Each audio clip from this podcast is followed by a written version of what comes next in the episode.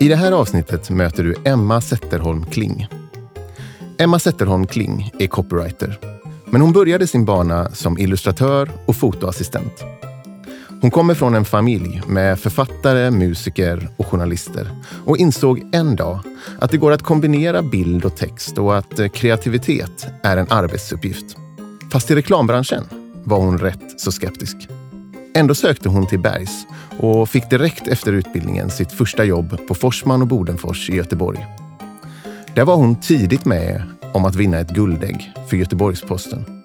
Men eh, så värst långvarig blev hon inte där.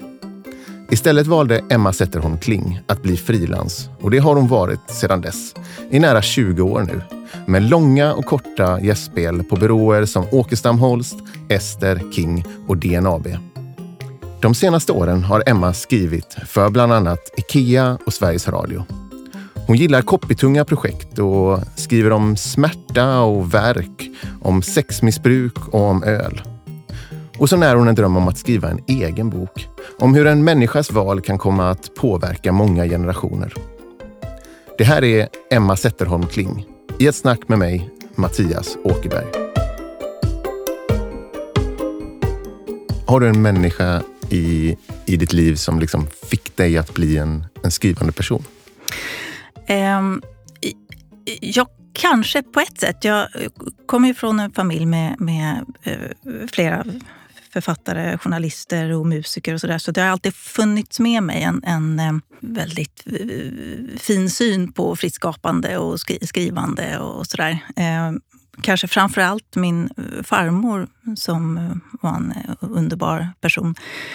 Hon var kåsör och journalist. Och var faktiskt först i Sverige med att få Stora journalistpriset. Hon översatte den första Sagan om ringen-boken. Och, och, och hon, och hon betydde jättemycket för mig och eh, hade en helt underbar kombination av klokskap och svart intelligent humor. Så där. Och hela min uppväxt så läste hon enormt mycket för oss. Det gjorde ju hela familjen såklart. Men, men hon, det, det fanns en, en inställning till läsande och skrivande i, i, min familj som jag säkert har fått med mig. Och jag, eh, vi, vi hade till exempel nästan som ett litet eh, barnboksbibliotek hemma. Ett vanligt bibliotek, men, men eh, även ett för barnböcker. Och läsandet togs på stort allvar även, även för ett litet barn. Så. Och jag tycker ju fortfarande idag att det är extremt viktigt. Jag brinner ju lite för det. Jag blir tokig på dålig barnlitteratur. Mm och farmor var ju, hon blev eh, nästan 103 år. Hon dog för ett år sedan ungefär. Hon var en eh, underbar människa. På, hemma i hennes hem så gjorde hon bland annat om sin, sin toalett till ett galleri där vi barn fick eh, eh tapetsera med tavlor. Och den öppna spisen fick eh, barn och barnbarn måla precis vad vi ville. Och, och det, det, det, var en eh, väldigt fri värld och, och hon hade en... Hon eh, skrev kåserier bland annat som var väldigt omtyckta. Eh, och det var för dem hon fick priset. Ehm, och hon hade en ganska här, lite punkig inställning till språket som jag tyckte mycket om och som kanske också gjorde att jag intresserade mig mycket för läsande och skrivande. Hon skrev, som var väldigt ovanligt på den tiden, ehm, ganska talspråkigt eh, och uh, lekte mycket med, med texten. Och hon skrev väldigt mycket om sin vardag och om barn och sådär som, som kanske inte heller var så vanligt för kvinnor mm. i hennes ålder. Låter som en fantastisk kvinna. Ja, hon var underbar. När hon var 70 klädde hon ut sig till pingvin och så köpte hon sill på Konsum och gick och delade ut i Sigtuna där hon bodde. Nej, hon, var, hon var makalös faktiskt. Hon var, betydde jättemycket för mig. Hon älskade, hon älskade barn och, och framförallt tonåringar. Så att hon hade alltid huset fullt av tonåringar. Så jag tillbringade mycket av min tonårstid där. Och satt och rökte Gula Blend och drack vitt vin och pratade om livsviktigt nonsens. Nej, hon var fantastisk. Mm.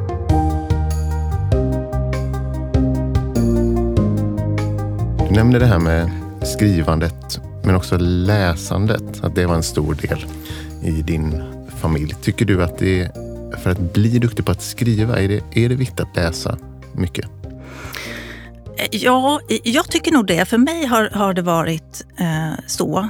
Eh, speciellt om man är en skrivande copywriter. Mm. Eh, och, och sen vad man läser kanske inte är riktigt lika viktigt, men, men för mig har det varit värdefullt. För det handlar ju dels om att eh, upptäcka hur språk fungerar och, och, mm, att skriva handlar ju lite grann om att eh, sno och inspireras och låna både omedvetet och medvetet. Och, och jag har svårt att tänka mig exempelvis att du kan bli en duktig kock utan att intressera dig för mat och att eh, eh smaka och prova dig fram och varför fungerar det tillsammans med det och sådär.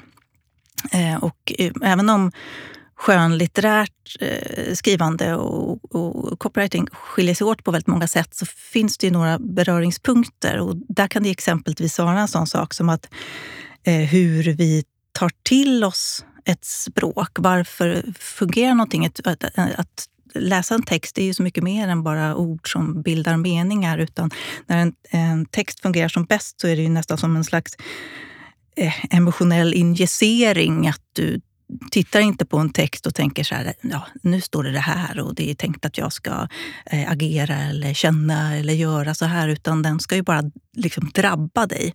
Eh, och så är det ju när du läser en bra bok, att du sveps ju med. Och eh, riktigt bra copywriting, tycker jag, eh, fungerar på samma sätt. Att du, du tar den till dig utan att du egentligen rent intellektuellt är medveten om att du gör det. Och där kan det ju finnas eh, likheter, tycker jag, med att eh, läsa skönlitterärt. Sen, sen vad man läser tycker jag spelar väl mindre roll. Men för mig har det varit mycket värdefullt. Jag läser ju mycket och alltid gjort. Mm. När du var barn, vad, vad läste du eller vilka böcker läste andra för och med dig då?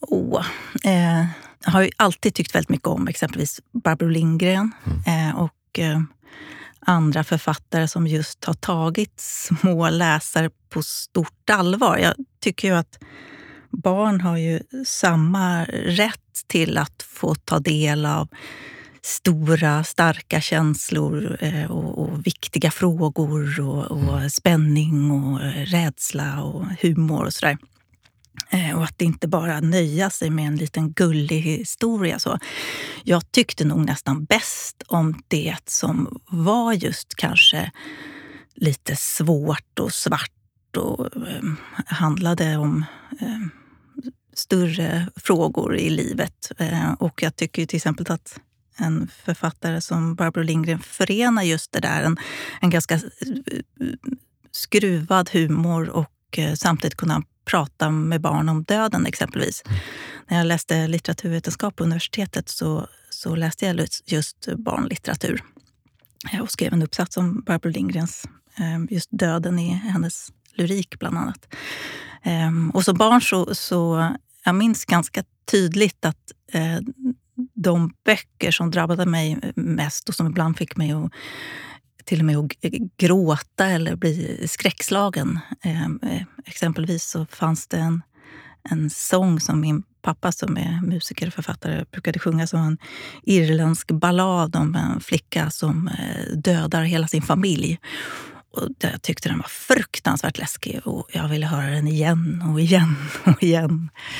Och det, det här har jag försökt ta med mig till mina barn. Att, eh, så vi läser mycket Ulf Stark tycker jag ju mycket om. Ja, jag kan, att, att välja exempel så där tycker jag är svårt, men, men framförallt eh, ett, eh, ett förhållningssätt till att även en liten läsare och lyssnare är precis lika värdefull som en vuxen. Mm. Det tycker jag är oerhört viktigt. Som vuxen, vad läser du, vad läser du helst nu för typ av, av böcker? Jag läser ju mestadels romaner, ska jag säga. Ehm, en del lyrik, ibland lite eh, biografier och sådär. Men, men mestadels romaner. Jag läser ju eh, väldigt mycket och ofta flera böcker parallellt. Ehm, just nu läser jag eh, Köttets tid av Lina Wolf och Obehaget om kvällarna, en holländsk författare. Och och Lärarinnan sång av Vid, Vidgisgjort, heter hon så? Um, och jag är väl eh, lite sådär språksnobbig, kanske mer än vad jag skulle vilja vara. Jag tröttnar rätt fort om jag inte riktigt tror på det jag läser eller inte sveps med och, så att jag avslutar faktiskt ibland. Jag tänker ibland att jag ska vara en sån här som läser klart bara för att eh, man bör göra det. Mm. Samtidigt tycker jag kanske att livet är lite för kort för att läsa dålig litteratur. Så att jag ibland bara släpper jag en bok på hälften och, och glider vidare. Mm. Jag var på landet förra veckan och då började jag läsa om Illusionisten av eh, Fowles som jag tycker mycket om. Mm. Spännande. Och du nämner det här ordet språksnobbig. Vad, vad, vad, innebär det för, för dig? På vilket sätt? Alltså, dels är jag väl... Jag, jag gillar ju språk, jag gillar att skriva. Jag tycker mycket om det här eh, finliret eh, som det innebär att eh, jobba med tonalitet och, och liksom få en text att svänga. Eh, att leka med språket och att eh, eh, hitta de här nycklarna som gör att man sveps in i det.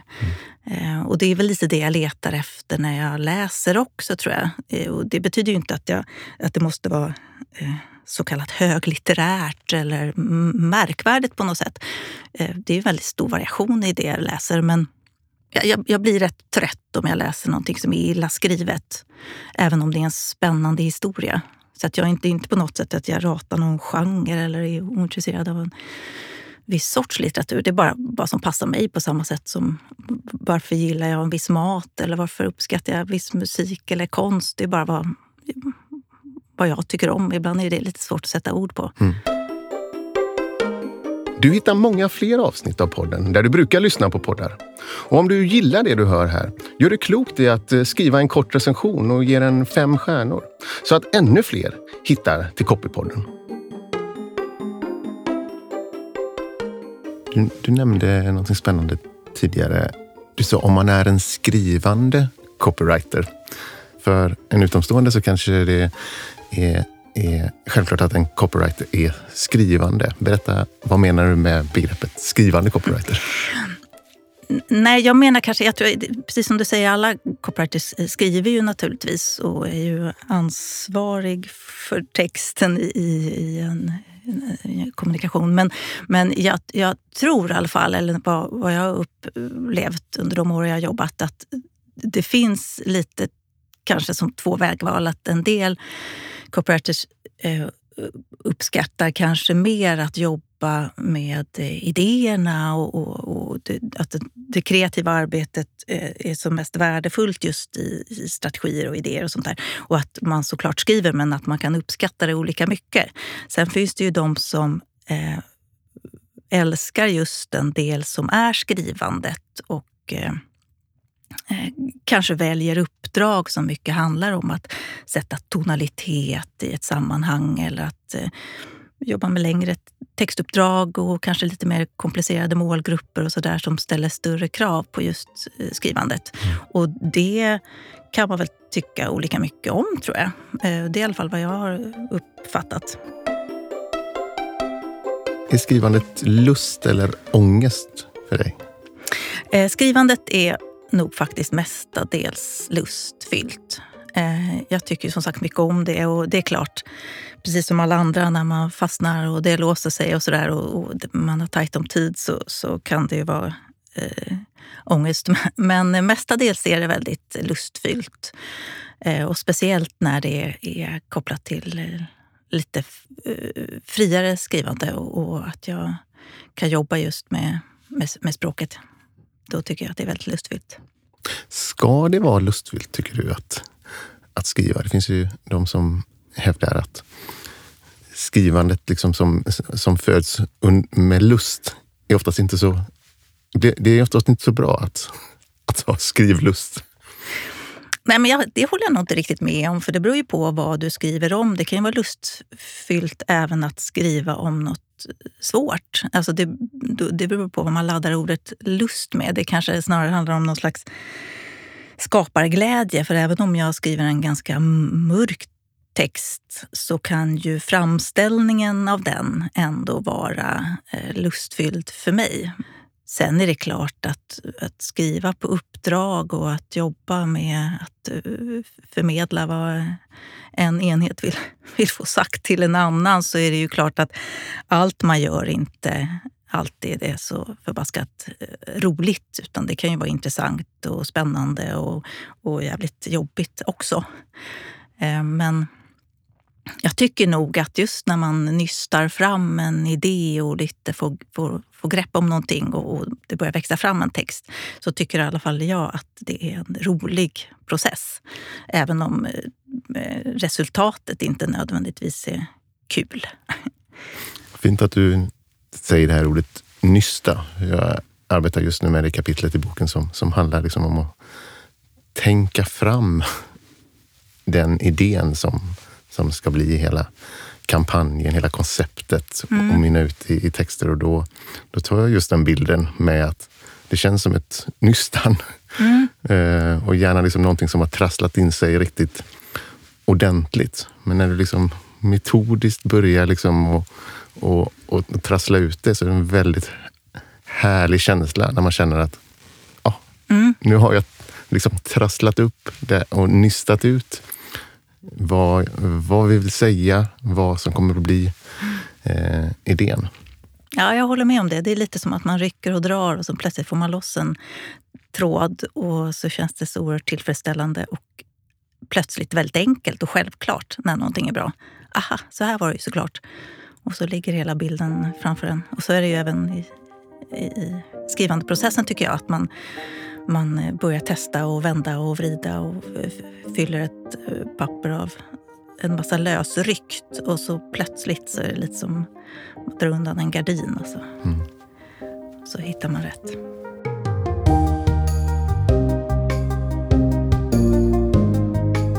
Jag som leder och gör Sveriges första och största podd om copywriting heter Mattias Åkerberg. Jag är copywriter sedan över 15 år tillbaka och har sedan dess nördat ner i allt som har med konsten att skriva reklam att göra. Om det nu är en konst. Jag gör uppdrag och utbildar inom copywriting. Dessutom driver jag Copyklubben och genomför varje år den stora undersökningen Copyrapporten. På pleasecopyme.se hittar du massor av kunskap och där kan du också ta chansen att lära dig nytt och inspirerande direkt från mig.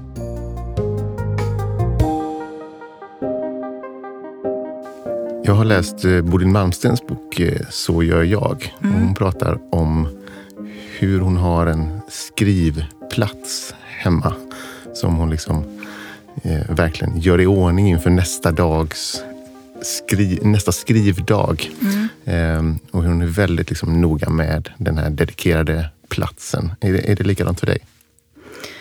Eh, inte, inte en rent fysisk plats. Eh, jag kan nog faktiskt skriva nästan var som helst. Jag brukar sitta en hel del på fik och bibliotek och ibland på diverse fotbollsträningar. Eh, däremot så kanske det mycket handlar om att hitta någon slags mental eh, plats. Att jag, jag, vill komma in i en viss stämning för att kunna skriva. Eh, jag har rätt lätt att liksom kokona in mig i den och, och hitta min lilla skrivvärld. Eh, och när jag skriver för egen del så kan jag ibland sätta på mig lurar och eh, lyssna på musik för att komma liksom i en viss typ av stämning. Alltså, sätta på lite Nick Cave och Kate Bush och verkligen så vara i en plats i mitt huvud. Men, men eh, fysiskt har det ingen betydelse. Jag kan sitta vid köksbordet eller på en buss. Du började ju på Forsman och Bodenfors i Göteborg men efter bara några år så valde du att bli frilans och har ju varit det i många år, nu nästan 20 år. Mm. Eh, du, du jobbar med många, men bland annat med, med eh, Sveriges Radio. Om jag frågar dig, varför tror, du, varför tror du att Sveriges Radio väljer att, arbeta med en, eh, med en frilans copywriter som dig istället för att gå till stora byrån? Um Ja, och till att börja med ska jag säga att Sveriges Radio är så enormt stort så att de jobbar ju med, med byråer också. Det är en, en månghävdad organisation. Eh, men eh, det jag jobbar med tillsammans med dem eh, skulle jag kanske gissa, det finns nog flera skäl, men dels handlar det väl om att man som frilanscopy är väldigt snabbfotad och Eh, smidig och ganska lätt tror jag att sätta in i både små och stora uppdrag. Eh, jag kan jobba väldigt nära med de duktiga inhouse-kreatörer som finns där. Ehm, det kan ju bara gå på en halvtimme så, så är jag inkopplad i ett projekt eh, där jag dels har ganska mycket kunskap om dem i och med att vi har jobbat mycket tillsammans. Men samtidigt någon form av utifrånblick som jag tror Eh, kan vara värdefullt i vissa sammanhang. Eh, och att hoppa in och jobba sådär i en arbetsgrupp eh, gör ju att man kanske bidrar med någonting som man i en fast organisation känner att man eventuellt lite har fastnat i. Och, och, att koppla på en stor byrå kan ju vara kanske mer kostsamt men också lite större apparat, tror jag. Mm. Ehm, nu jobbar jag ju till exempelvis med, med deras kommunikativa plattform och lite sånt. Och det kan väl vara bra, tror jag, att någon som är eh, ganska inkörd hos dem eh, är, bidrar till det. För det finns ju väldigt många duktiga journalister och kreatörer på Sveriges Radio. Men, men att det kommer någon utifrån kan väl vara värdefullt, tror jag. Mm. Spännande att höra. Jag hör dig säga på något sätt eh, snabba fötter. Ja. Också den här blicken utifrån och mm. dessutom bra för plånboken. Ja, sammanfattningsvis så skulle jag väl tro att det är så. Mm. Vad är det som du tycker är bäst med att jobba på det sättet utifrån ditt perspektiv? Att vara frilans? Mm. Ja, men I huvudsak skulle jag säga att det handlar ganska mycket om eh, frihet. Jag, jag har ju alltid varit sån som föredrar frihet framför trygghet. Inte alltid jättepraktiskt, men eh, det är väldigt viktigt för mig att eh, få känna att jag själv kan eh, bestämma vad jag vill ägna mig åt. Eh, och att jag kan arbeta på ett sätt, dels välja uppdrag som jag tycker är eh, intressanta och viktiga för mig. Ehm, men också att jag kan välja att jobba med annat som inte bara är copywriting. Jag har ju bland annat varit med och skrivit en ehm, tv-serie för UR som heter Geografens testamente Europa. Ehm, och den typen av projekt skulle jag inte kunna göra om jag var anställd. Sen har jag ju jobbat på många byråer i ganska tajta sammanhang och under långa perioder. Så det är inte det att jag inte tycker om att jobba i arbetsgrupp eller samarbeta. Men, men jag har alltid tyckt att det varit väldigt, väldigt skönt att få göra lite min grej. Det här liksom, kollektiva har alltid gett mig lite granna klåda. Hur då? Jag, jag tycker väldigt mycket om att jobba i arbetsgrupper men, med, men lite kollektiva organiserade övningar. Så där. Det är någonting i mig, jag vet inte vad det kommer sig, men det, det är inget självvalt och det är inte alltid jättebra. Men jag tycker det är väldigt skönt att få vara fri. Hur skulle du säga att du är som skribent? När du sätter dig ner för att skriva, är du snabb eller långsam? Jag är nog hyfsat snabb, tror jag. Ehm, men jag redigerar väl kanske lite långsammare. I, i första skedet, det här lite mer intuitiva och idéinriktade ehm, skrivarbetet, det går relativt snabbt och behöver kanske göra det för att det ska vara nära mellan tanke och penna. Ehm, men däremot så kan jag sitta rätt länge sen och, och peta och fixa för att jag vill att texten ska bli precis som jag vill ha den. Mm. Så både och kanske. Men du menar när du skriver, då bara skriver du? Ja. Skriver du långt då eller försöker du tänka att alltså skriva så kort, koncist som möjligt? Jag... Ja, det var en svår fråga. Nej, det är inte så att jag bara öser ur mig jättelångt, utan det är nog hyggligt eh, färdigt tänkt, tror jag. Um, men precis när jag ägnar mig åt det där nystandet som vi precis pratade om, då kan det ju vara så att man faktiskt sitter och öst sig ur sig. Och där, där behöver man ju skriva även sånt som är rätt kast mm. faktiskt för att hitta det som är bra. Mm. Så där försöker jag att inte eh, censurera mig själv alls. Utan då kan det ju vara så att man bara sitter och hamrar på, på tangenterna. Eh, men men eh, Men sen försöker jag nog strama upp det hyggligt snabbt. Och, och, och när jag har någonting som jag tycker funkar, sen börjar jag peta. Mm. Kan du känna när du skriver att du är medveten om att det här är kast, men jag skriver på ändå för att det kanske kommer någonting bra? Ja, så är det ju. Och ibland kan det vara lite plågsamt att medans jag skriver det så tänker jag det här funkar överhuvudtaget inte alls. Men då försöker jag faktiskt lite koppla på det här lite mer intuitiva för att, för att eh, fånga det jag är ute efter. Och det är ju faktiskt ofta då man, man får tag i tankar som som ligger någonstans i någon byrålåda lite längre bak i huvudet. Eh, just att man inte tidigt ägnar sig åt att så här, oh, nej, den här, det här ordvalet kanske inte var helt eh, perfekt. Så, så jag försöker faktiskt tillåta mig själv att bara ur. Sen är det ju bara att radera skiten. Raderar du mycket? Ja, jag raderar rätt mycket faktiskt. Jag vet att du också håller på att jobba på en, en bok, en egen egen bok. Hur går det? Eh, ja, det beror på vilken dag du frågar. Eller säga. Ibland går det fantastiskt bra och ibland går det fruktansvärt dåligt. Eh, men det är roligt. Och det är lite min nya strategi det här att jag faktiskt ska prata om att jag skriver eh, Ehm, på ett eget projekt. Jag har ju ganska dålig självdisciplin när jag inte har en deadline. Så att eh, jag har ju hållit på med den här boken ett tag men jag kommer liksom inte riktigt framåt för att ingen annan piskar på. Och jag tänkte att om jag börjar prata om att jag skriver på en roman så kanske jag eh, bara rädslan att eh, det ska bli oerhört genant att det inte blir något klart ska göra att jag faktiskt kommer till skott. Även om, eh, även om slutresultatet bara hamnar hemma på mitt skrivbord så, så eh, vill jag verkligen se om jag lyckas genomföra det. Mm. Kan du, där du står nu, överblicka liksom i procent hur, hur, långt, hur långt är du kommer med boken? Ja, apropå det där att radera. Det är ju lite så att jag, jag, jag har skrivit den säkert två gånger om och sen eh, raderat 80 eh, procent. Men jag är nog i alla fall halvvägs, skulle jag tro. Mm. Om jag inte drabbas av någon total panik och slänger det jag har gjort hittills. Mm. Kommer du att ro boken i land? Ja, jag har faktiskt bestämt mig för att jag ska lyckas göra det. Mm.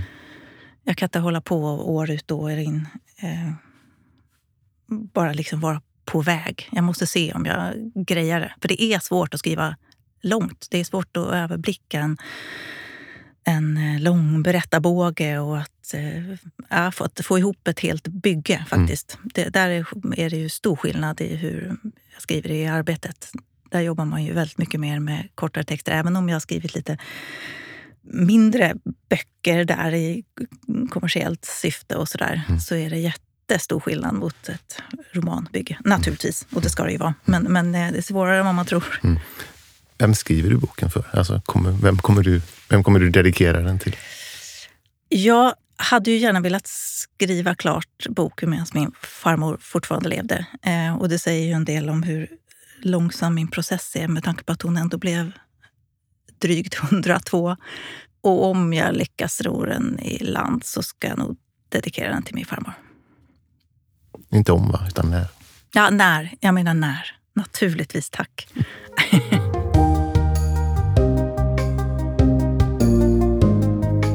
Emma, jag bad ju dig eh, tänka över och ta med ett stycke copywriting som, eh, som du vill visa upp. Berätta vad, vad du har, har tänkt på och tagit med dig.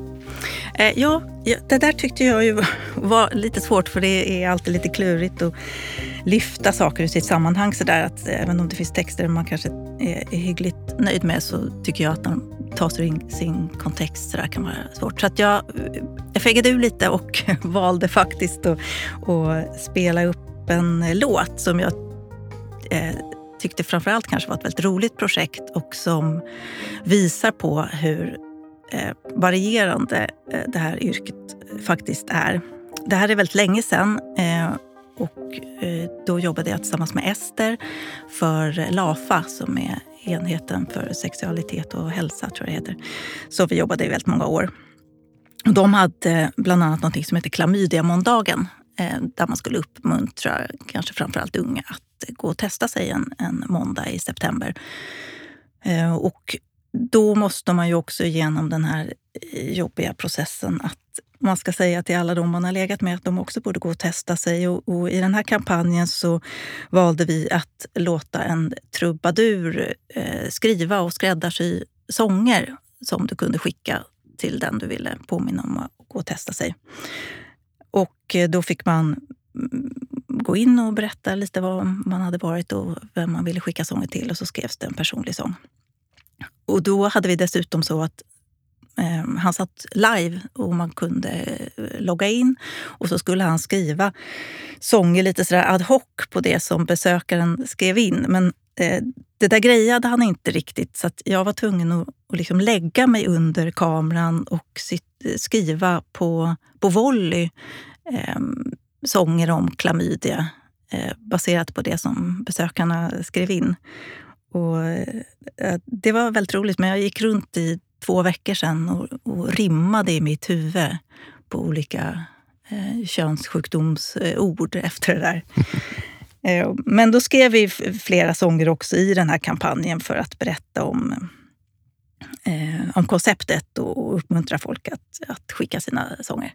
Och eh, en av de små små eh, lökiga visor då, tänkte jag att jag kan spela upp så slipper jag läsa något. Låt oss lyssna på det. Det kan ha varit Marit, Josefina eller Maj. Cinderellas syrra Karin, kanske Petra eller Kai. Eller tvillingarna Ekström, Lenas mamma, kanske John. Eller möjligen prinsessan som jag träffade en gång. Det kan också varit Sanna eller hennes bästa vän. Eller tandläkarens granne. Men det var för länge sen. Jag har misstänkt min vikarie och hennes nya man. Och i högsta grad Fernando är Evelina och Susanne. Men klamydian jag fick, den som smittade min pick, ja den kom enligt mig från dig. Underbart. Vilken hur var det? Berätta, hur eh, minns du idag? För det här var ju ett antal år sedan. Ja, tio, det här är säkert tio år sedan. Ja. Hur, hur du skrev den här texten. Var började du? Ja, det, det minns jag faktiskt inte. Vi skrev nog, eller jag skrev nog kanske fem, sju låtar, både eh, text och musik. Vi, vi, jobbade ju väldigt många år med LAFA och, och var ju väldigt mycket inne i, i, i det där. Så att jag tror att det kom sig ganska naturligt. Mm. Och just sånt här tycker jag ju är väldigt roligt. Det låter som att du har haft roligt när du har skrivit. Ja, väldigt mm. roligt. Och jag, och jag det här är kanske den typen av uppdrag som jag tycker är faktiskt allra roligast. Det här är också väldigt kopplat till, till fritt, mm. lite skruvat skrivande. Mm. Det tycker jag är roligt. Verkligen. Jag tycker också det visar på att copywriting kan ta sig mång, uttryck på många olika sätt. För jag gissar att i nästa uppdrag som du fick så, så föreslog du inte att en låt ska, ska vara det som är leveransen här, utan då var det någonting ja, nej, annat som var, så var det bästa uttryckssättet. Ja, för i nästa uppdrag så kan det ju ha handlat om att man skrev en kanske ganska eh, drabbande och mer känslosam och längre text som kan vara precis raka motsatsen till en, en eh, skojig visa, så att säga. Mm. Så att eh, det, det är ju en stor variation och precis som alla kreatörer vet väldigt olika beroende på, på uppdrag, målgrupp. Mm. Och det här var, är ju också ett allvarligt ämne. Men paketerat och levererat på ett sätt som också får en att dra på munnen.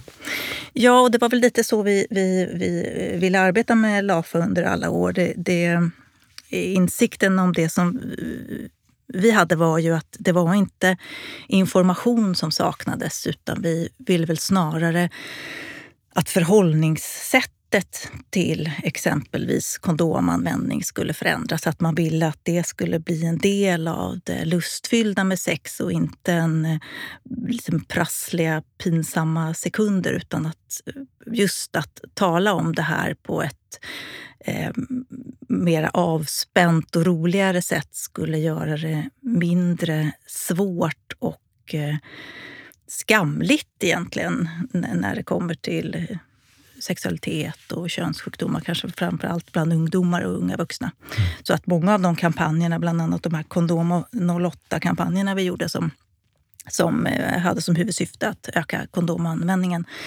De var ju just eh, väldigt eh, lekfulla och ja, men, handlade om det där att kondomen skulle, skulle bli en del av, av allt det fina och, och roliga och inte vara bara kopplat till, till det, det svåra och dåliga. Mm.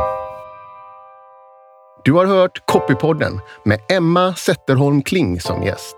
I boken hittar du en längre intervju med Emma Zetterholm Kling och dessutom intervjuer med bland andra Tommy Lundberg, Linda Ehlers, Fredrik Thunholm, Stephanie Moradi och Mattias Gärskild. Hösten 2022 utkommer Copyboken. Det är en bok som många copywriters har väntat länge på. Den berättar att copywriting börjar med att fråga, lyssna, att ta reda på hur saker verkligen är innan du börjar skriva. Boken förklarar hur du skriver så att det gör ont, hur du påverkar din läsare att komma till skott och hur du bäst presenterar dina texter så att de landar alldeles rätt. Googla copyboken så hittar du rätt. Se såklart också till att lägga vantarna på boken direkt när den finns att köpa. Tack för att du lyssnar på Copypodden.